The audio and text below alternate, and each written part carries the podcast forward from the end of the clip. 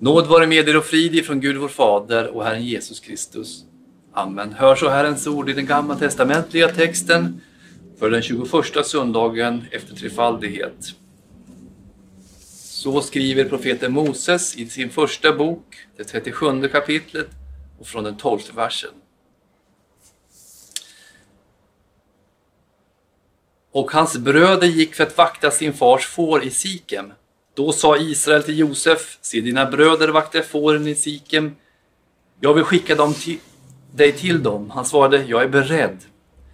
Israel sa till honom, gå och se efter om allt är väl med dina bröder och med fåren. Kom sen tillbaka till mig med besked. Så sände han iväg honom från Hebrons dal och han kom till Sikem. Där mötte han en man medan han gick omkring villrådig på fältet. Mannen frågade honom vad han sökte. Han svarade, jag söker efter mina bröder. Säg mig var de vaktar sin jord. Mannen svarade, de har gått härifrån. Jag hörde dem säga att de skulle gå till Dotan.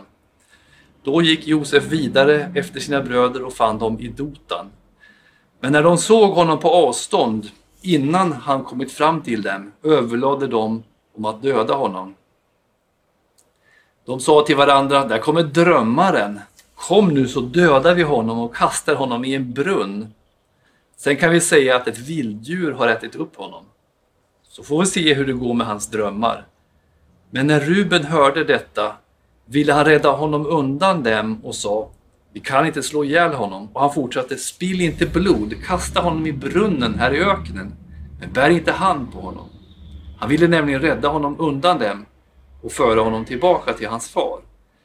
När Josef kom fram till sina bröder slet de av honom den hellånga livklädnaden som han hade på sig.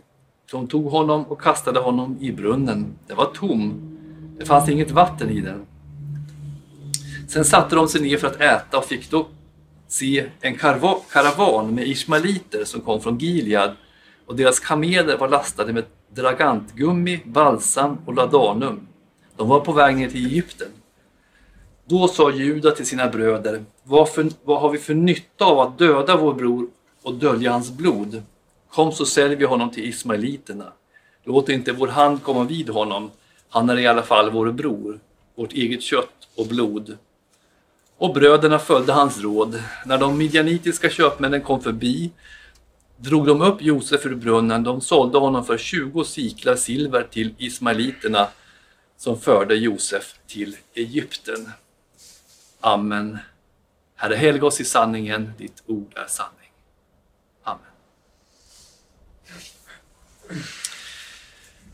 Ja, dagens predikotext handlar om hur den unge Josef skickas av sin far för att se efter sina bröder som vaktade får i Siken.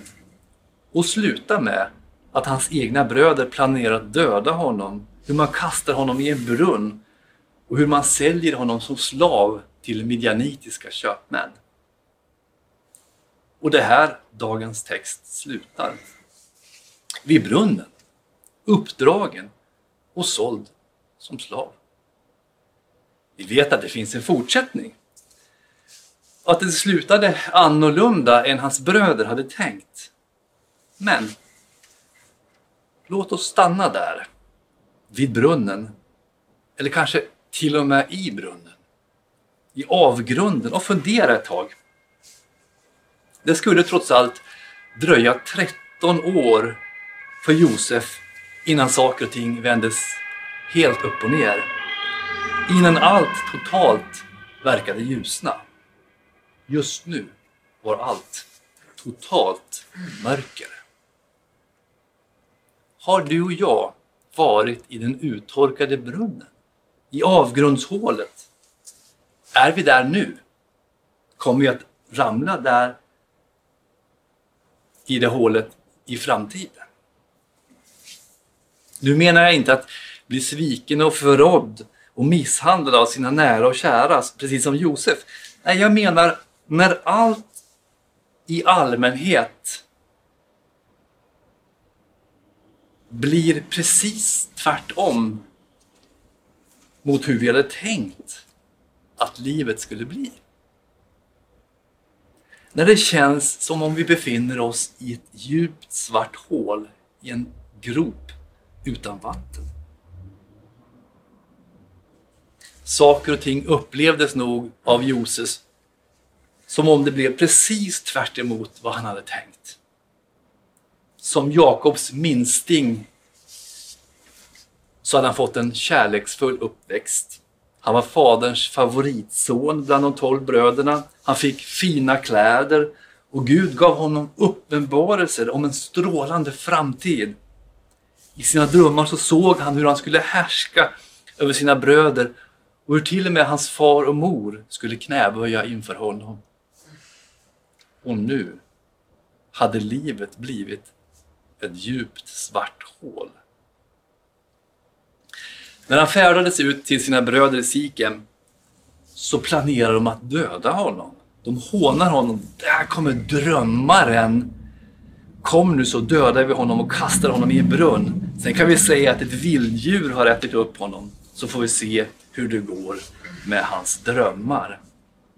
Den äldste brodern Ruben, han ville rädda hans liv. Spill inte blod, kasta honom i brunnen här i öknen. Men bär inte hand på honom. Hans egna bröder slet livklädnaden av honom och kastade honom i brunnen som var tom. Brodern Juda hade ett annat förslag. Att de kunde bli av med honom genom att sälja honom till midjanitiska köpmän som just passerade förbi för 20 siklar silver. Vi ska inte här gå in på att berättelsen om Josef är en förebild på hur man tog manteln ifrån Jesus. Hur Jesus kom till sitt eget, men hans egna tog inte emot honom. Och hur Jesus såldes av Juda, av Judas för silverpenningar. Men, utan låt oss nu bara tänka oss in i Josefs situation. Hur livet hade varit ganska bra för honom fram till denna dag. Då allt vänder i totalt mörker. Hur tänkte han? Och hur kände han? Tänkte han på hur det blev med Guds löften om en lysande framtid och välsignelse? Ja, om man hade varit framgångsteolog i det här läget så hade han väl fått skrota den läran just nu och 13 år framåt. De flesta kristna har upplevt längre eller kortare tider av glädje och välsignelse. Det har väl alla av oss varit med om. När det har känts sådär fantastiskt underbart att få vara kristen.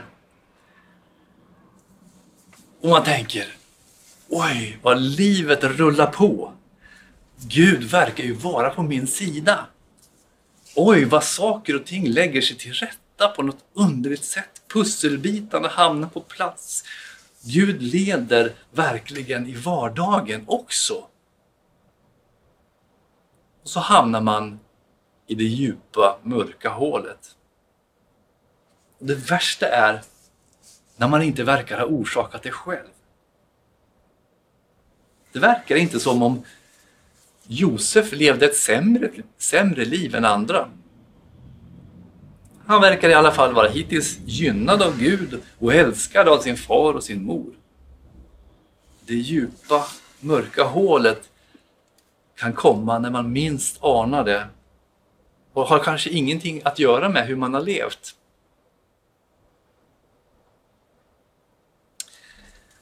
Men vi kan inte förneka att också kristna kan råka ut för problem. Ja, om vi förnekar det så kommer vi direkt strid med skriften som säger, Saltaren 34 och 20, den rättfärdige måste lida mycket. Och Apostlagärningarna 14 och vers 22, vi måste gå igenom många lidanden för att komma in i Guds rike.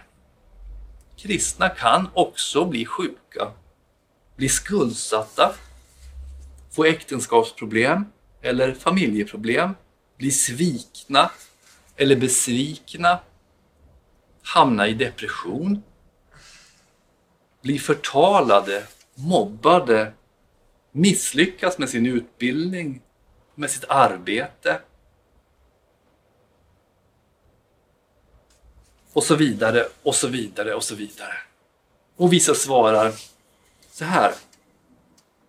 Om man bara ber rätt och kämpar så blir det inte så. Jag tror att Josef bad dagligen, som alla gudfruktiga judar gjorde. Vi vet att Daniel var en bedjare och ändå hamnade han också i fängelse och han hamnade till och med i en lejongrop. Jeremia, han var en bedjare och ändå hamnade han också i en uttorkad brunn. Jobb, står det, han var en rättfärdig man. Och ändå förlorade han allt.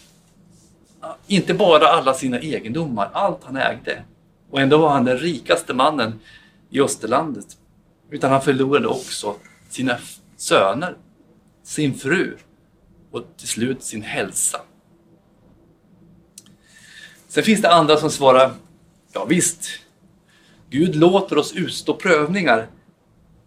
Men om vi ber så hjälper han oss. Och det är sant att Gud, Gud hjälper alla sina trogna förr eller senare. Gud hör bön. Det är sant. Psalmisten sjunger Den rättfärdige måste lida mycket men Herren räddar honom ur allt. Gud hör alltid bön. Antingen i detta livet eller genom att ta oss ifrån detta livet till sig i himlen. Eller genom att som svar på vår bön fostra oss. Men under de 13 åren så måste ju Josef många gånger ha frågat sig varför blev han såld till slav? Varför fick han oskyldigt anklagad sitta i fängelse anklagad av Potifars hustru? Hur många gånger ställde sig Josef frågan Är Gud verkligen på min sida? Eller har han övergett mig? Har du och jag ställt oss den frågan? Jag tänker att i över 13 år fick Josef vänta på upprättelse. I över 200 år var Israels slavar i Egypten utan att det var ett straff för någonting som de hade gjort. Vart fanns alla enkla svar under de här långa perioderna? Varför låter oss Gud hamna i det svarta hålet? I motgångar, i trassel och i lidande. Och varför tar han oss inte alltid ur dem när jag vill? Nu räcker det Gud, ta mig ur det här. Varför svarar han inte direkt då? Alltid. Ibland gör han det, men inte alltid. Svar. För det första, för att han vill lära oss tålamod. Ibland gör oss Gud inte till viljes för att han vill lära oss tålamod. Ju äldre vi blir desto mer förstår vi att vi inte kan skynda på Gud. Hur mycket vi än försöker. Gud, han har sin tid. Och den infaller exakt där han vill. För Josef tog det 13 år. För Moses tog det 40 år från det han blev kallad av Gud till dess han blev ställd inför farao. Ibland kan det handla om några minuter eller några timmar. Men det är alltid enligt Guds tidtabell, inte våran. Gud lovade redan Adam och Eva en frälsare ifrån synden som skulle komma och kanske trodde de att det skulle ske redan under deras livstid. Men de fick vänta i flera tusen år innan luftet gick i fullbordan exakt det år och den dag Gud sedan skapelsen hade bestämt.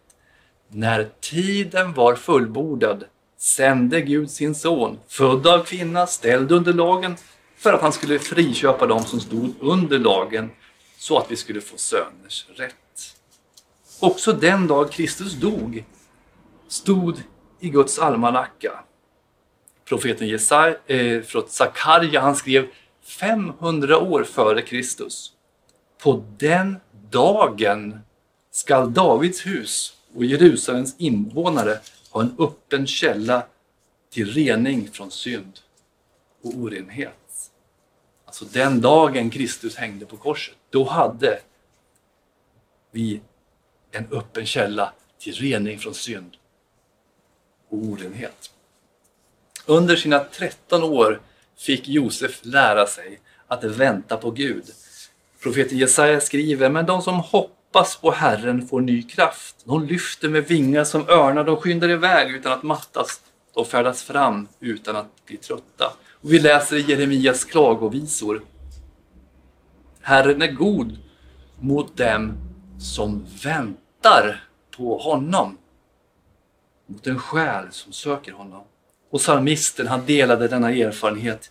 Jag väntade ivrigt på Herren och han böjde sig till mig och hörde mitt rop. Gud tillåter svarta hål i våra liv för att lära oss tålamod att vänta på Guds tid. Men Gud tillåter också för det andra för att lära oss att Guds vägar inte alltid är våra vägar. Gud säger genom profeten Jesaja Mina tankar är inte era tankar och era vägar är inte mina vägar, säger Herren. Nej, så mycket som himlen är högre än jorden, så mycket är mina vägar högre än era vägar och mina tankar högre än era tankar. Flera år senare skulle Mellanöstern drabbas av nödår. Nödår då åkrarna inte gav någon gröda alls. Guds sätt att få Israels söner att få del av det vetelager som egyptierna skulle bygga upp, det var att låta Josef bli kastad i en brunn, bli såld till Egypten bli kastad i fängelse för att han där skulle lära känna faraos överhovmästare som skulle ge honom kontakt med farao för att farao skulle utse honom till sin närmaste man. Och för att han som kungens närmaste man skulle kunna hjälpa sina bröder och deras familjer för att överleva de här nödåren. Tänk så förunderligt. Men den här planen, den kunde ju ingen människa räkna ut, eller hur? På efterhand kan man alltid tänka, det var värt 13 år. Men när man är mitt i mörkret så kanske man tänker, var är Gud någonstans? Det är så Gud lär oss att våra vägar inte alltid är Guds vägar. Hans vägar är dock alltid bäst. Tänk att få tänka så när det känns hopplöst. Romarbrevet 8.28. Vi vet att för den som älskar Gud samverkar allt till det bästa. Att tänka så när det är som mörkast. Vi vet att för den som älskar Gud samverkar allt till det bästa för dem som är kallade efter hans beslut. Till sina bröder sa Josef när han mötte dem efter alla de här åren. Då sa han, ni tänkte ont mot mig. Men Gud har tänkt till godo genom det som nu har skett för att bevara många människors liv. Gud är inte orsaken till synd. Men Gud använde kejsaren Augustus skatteskrivning för att föra Jesus hela vägen från Nasaret till Juda och Betlehem för att profetian skulle gå i uppfyllelse. Hans skatteskrivning, en hednings skatteskrivning.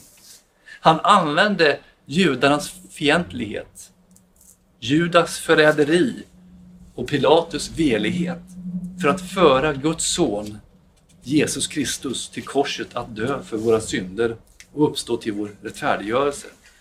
Guds vägar är inte våra vägar. Vi ska för det tredje se att Gud tillåter mörka hål i våra liv för att lära oss ödmjukhet. Vi vet inte om Josefs syner i hans ungdom påverkade hans självbild. De var sanna, men hur påverkade de hans ego? Hans självuppfattning? Vi läser om när han berättade om sin andra dröm för sina bröder och sin far. Lyssna, sa han, jag har haft en dröm tidigare. Jag drömde att solen och månen och elva stjärnor bugade sig för mig. När han berättade detta för sin far och sina bröder tillrättavisade hans far honom och sa Vad är det för dröm du har haft? Skulle jag och din mor och dina bröder komma och buga oss ner till jorden för dig? Ja, vi vet, det står inte hur Josef kände in, in på insidan. Men hur, hur, hur kan det påverka oss som människor att veta att vi är utvalda till något speciellt?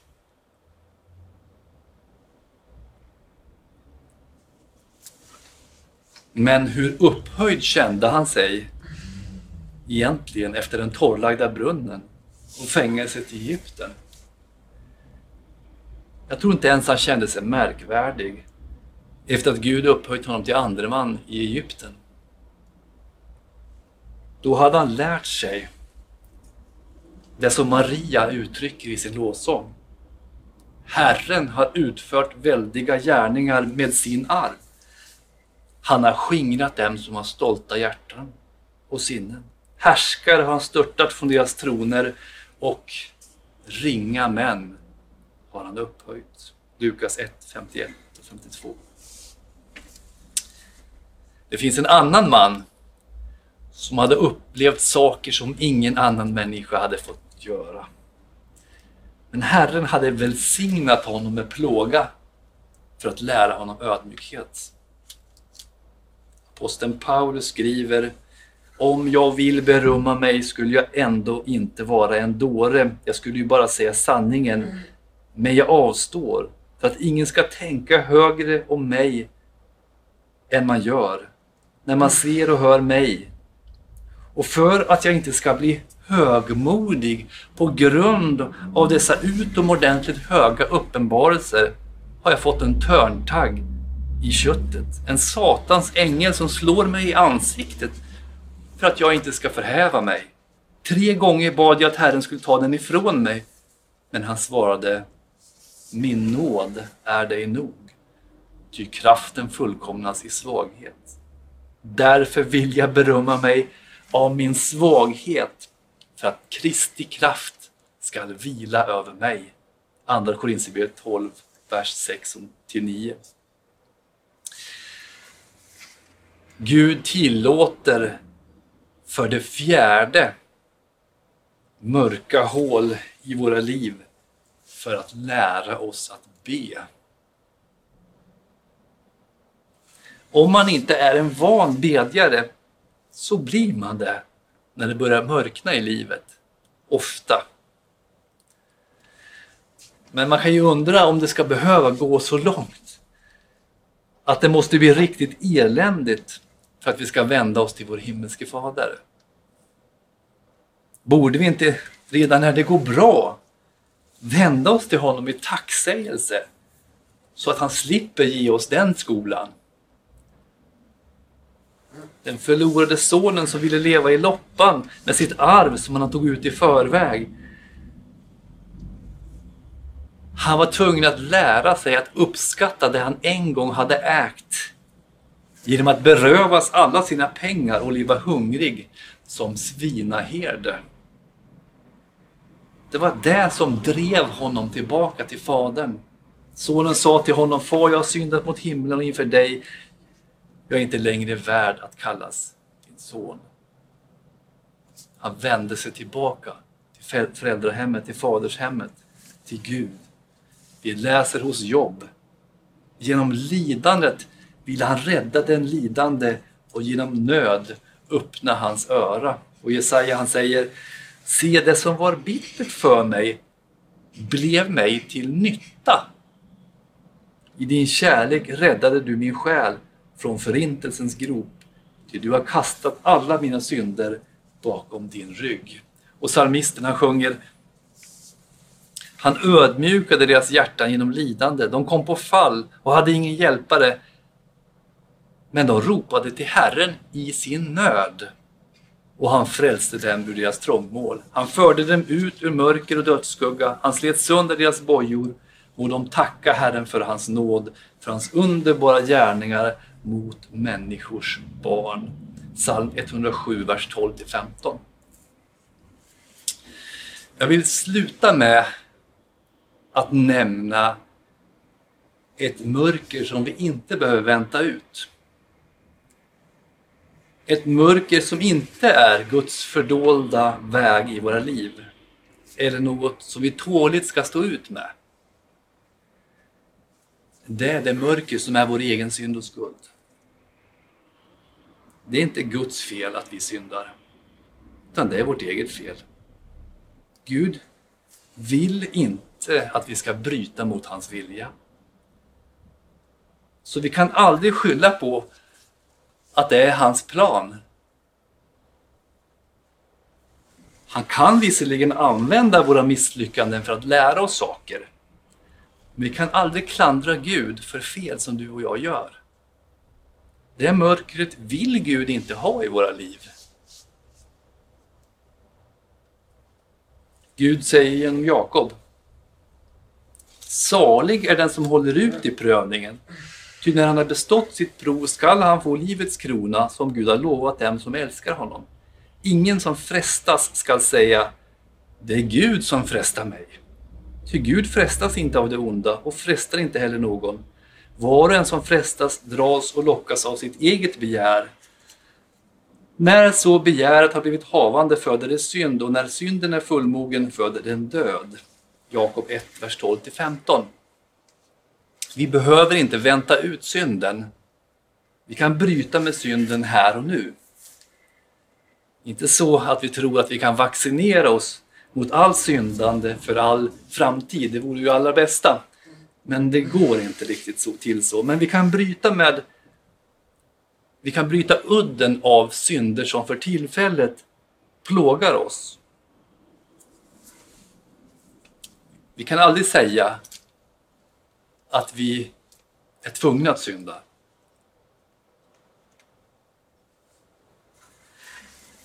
Första Johannes 1, vers 6-10. Om vi säger att vi har gemenskap med honom och vandrar i mörkret så ljuger vi och handlar inte efter sanningen. Men om vi vandrar i ljuset, liksom han är i ljuset, så har vi gemenskap med varandra och Jesu, hans sons blod, renar oss från all synd. Om vi säger att vi inte har synd bedrar vi oss själva och sanningen finns inte i oss. Om vi bekänner våra synder är han trofast och rättfärdig så att han förlåter oss våra synder och renar oss från all orättfärdighet. Om vi säger att vi inte har syndat gör vi honom till en lugnare och hans ord är inte i oss. Mina barn, detta skriver jag till er för att ni inte skall synda. Men om någon syndar har vi en som för vår talan inför Fadern, Jesus Kristus som är rättfärdig. Han är försoningen för våra synder, inte bara för våra, utan också för hela världens. Låt mig avsluta med att citera vad profeten Sakarja säger om ett, det här mörka hålet utan vatten. Den här gropen utan vatten som är vår egen synd.